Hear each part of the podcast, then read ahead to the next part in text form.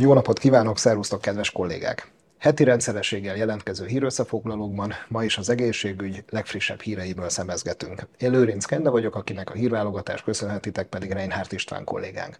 Ne feledkezzünk meg podcastjainkről sem, melyek elérhetőek az Apple Podcast, Google Podcast és Spotify platformokon. Elsőként kezdjünk egy nagyon érdekes hírrel.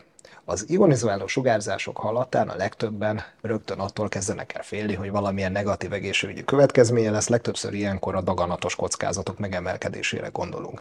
De nagyon érdekes, hogy egy új vizsgálat az bizonyította, hogy az ionizáló sugárzás alacsony dózisa növelheti a cukorbetegség kockázatát.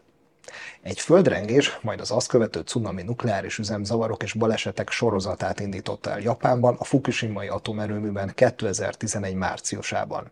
Most több mint tíz évvel járunk a katasztrófa után, és az egészségügyi következmények még mindig nem térképezhetőek fel pontosan egy japán epidemiológiai vizsgálatban az atomerőműben dolgozó és 2011 tavaszán ionizáló sugárzásnak kitett személyek egészségi állapotát követik nyomon. Nemrégiben azt vették gorcső alá, hogy miként befolyásolhatja az ionizáló sugárzás a cukorbetegség kialakulásának a rizikóját. Az atomerőmű katasztrófát követően a vizsgálatban résztvevő több mint 5300 főből 392-nél diagnosztizáltak kettes típusú diabéteszt. A katasztrófa során 5-9 milliszívert sugárterhelést elszenvedőknél 6%-kal nem szivikás módon nőtt meg a cukorbetegség kockázata, szemben azokkal, akik csak idézőben 4 milliszívert sugárzásnak voltak kitéve. Mindeközben szignifikánsan 47%-kal, illetve 33%-kal megnövekedett a cukorbetegség kialakulásának a rizikója azoknál, akik 10-19 milliszívert, illetve 20-49 milliszívert sugárdózis kaptak. Az összehasonlítás kedvéért Európában a háttérsugárzás földrajzi helytől függően évi 2,7-től 7 millisievertre tehető. Egy melkasi röntgenfelvétel körülbelül 0,1 millisievert, míg egy gerincoszlop teljes hosszában történő CT vizsgálata 10 millisievert dózisú sugárterhelést jelent. A citált vizsgálat nem bizonyítja egyértelműen a Fukushimai atomerőmű katasztrófa során elszenvedett sugárzás dózis és a cukorbetegség kapcsolatát, feltételezhető ugyanakkor, hogy az ionizáló sugárzás vagy direkt úton, azaz a hasnyálmirigy sejtek károsítása révén, vagy indirekt úton, azaz a gyulladásos reakciók serkentése révén hozzájárulhat az inzulinrezisztencia és a cukorbetegség kialakulásához. Akinek bőrbetegsége van, a szégyelje magát? Bőrgomba, alopécia, akne, urtikária, bőrrák, atópiás dermatitis, pszoriázis, szexuális úton terjedő betegségek, bőrtérintő manifestációi.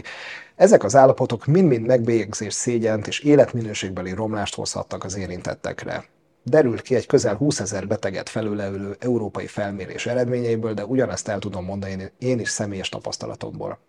Úgy tűnik, hogy a bőrgyógyászati problémák a dermatológiai tünetek mellett igen jelentős pszichés terhet is hoznak magukkal. A bőrbeteg válaszadók döntő többségét érte már megszégyenítés a bőre állapota miatt. 88%-uknál a megbélyegzés a magánéletében, míg 83%-uknál a munkahelyen történik. A megkérdezettek 25%-ának a munkahelyét is egyszer meg kellett változtatni már legalább a bőre okozta kellemetlenségek miatt. A válaszadók 19%-a pedig már érezte azt, hogy undorral tekintenek rá. Az említett korképek tehát kisebb-nagyobb életminőségbeli romlással társulnak az aknés alopéciás, krónikus urtikáriás betegek körülbelül fele, mint a dermatitisszel, bőrrákkal vagy pszoriázissal sújtottak, mint egy 40%-a számolt be arról, hogy az életminősége romlott. A felmérés eredményei felhívják a figyelmet arra, hogy a bőrgyógyászati korképekben szenvedőknek hathatós pszichológiai támogatásra lehet szükségük. A géneken is múlik, hogy valaki vegetáriánus-e. Gondoltuk volna? Számos oka lehet annak, hogy valaki lemond a húsfogyasztásról. Más kérdés, hogy mennyire sikeres a húsféleségek étrendből való kiiktatása. Felmérések szerint a magukat vegetáriánusnak nevezők 48-64 százaléka alkalmanként azért fogyaszt halat, szárnyasokat vagy akár vörös húst. Többek szerint mindez arra utal, hogy a húsfogyasztásra sarkaló környezeti vagy biológiai tényezők kifejezettebbek, mint a kizárólagos vegetáriánus táplálkozás irányába való elkötelezettség. Miért sikerül egyeseknek hús nélkül élni, és másoknak pedig miért nem? Úgy tűnik, hogy a válasz részben a génekben is rejtőzik. A kérdés tisztázására több mint 5300 szigorú vegetáriánus és közel 330 ezer húst is fogyasztó kontrollszemély genetikai állományát hasonlították össze. kiderült, hogy három olyan gén is van, amely szignifikánsan összefügg a vegetáriánsággal illetve további 30 olyan gént is azonosítottak, amelyek potenciális hatással lehetnek a vegetáriánus táplálkozásra. A húsokat mellőző táplálkozásra döntő hatással lévő gének, köztük az MPC1 és az RMC1, egyébként a lipid metabolizmusban és vagy az agyi funkciókban kapnak szerepet. Úgy tűnhet tehát, hogy a vegetáriánusság meghatározásában döntő szerepet kap az adott egyén lipid, lipidanyag cseréje.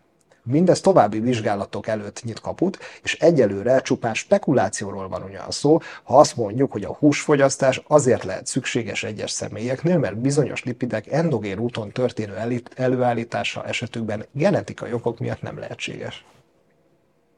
Szintén táplálkozás tudományjal foglalkozik a következő hírünk is, miszerint nem csak öt, hanem hat alapíz is lenne.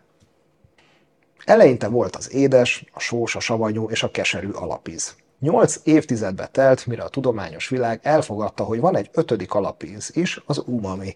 Úgy tűnik azonban, hogy az alapízek palettája újra bővülni fog. Az emberi nyelv is képes ugyanis az ammóniumklorid, mint lehetséges hatodik alapíz érzékelésére. Az ammóniumklorid, vagy szalmiáksó több skandináv édesség elengedhetetlen összetevője, az édesgyökér édes sósísz megtestesítő komponense. Az ammóniumklorid értékelése molekuláris szinten azoknak az OTOP-1 fehérje receptoroknak a közreműködésével történik, amelyek a savonyú íz detektálásában is szerepet játszanak. Az OTOP-1 fehérje olyan transzmembrán csatornát képez, amelyen a savanyú ízért felelős hidrogénionok áramlanak keresztül. A savakon túl az ammóniumklorid is erős aktivátor az OTOP-1 receptornak, és a szalmiák sejtekhez való eljutása és hidrogén áramlás generál ugyanezeken a receptorokon keresztül. Az embereknél is megtalálható ammóniumklorid érzékelő receptorok evolúciós jelentősége nagy, és úgy tűnik, hogy annak a mérgező anyagoktól való védekezésben lehet szerepe. Megfigyelték, hogy az otopai receptorok azoknál az állatoknál működnek a legnagyobb érzékenységgel, amelyeknél fennáll a veszélye annak, hogy túl sok szalmiáksos táplálékot csipegetnek fel a földről. Ennyi volt már a doktorhírek, köszönjük, hogy ma is velünk tartottatok. A következő adásig szervusztok!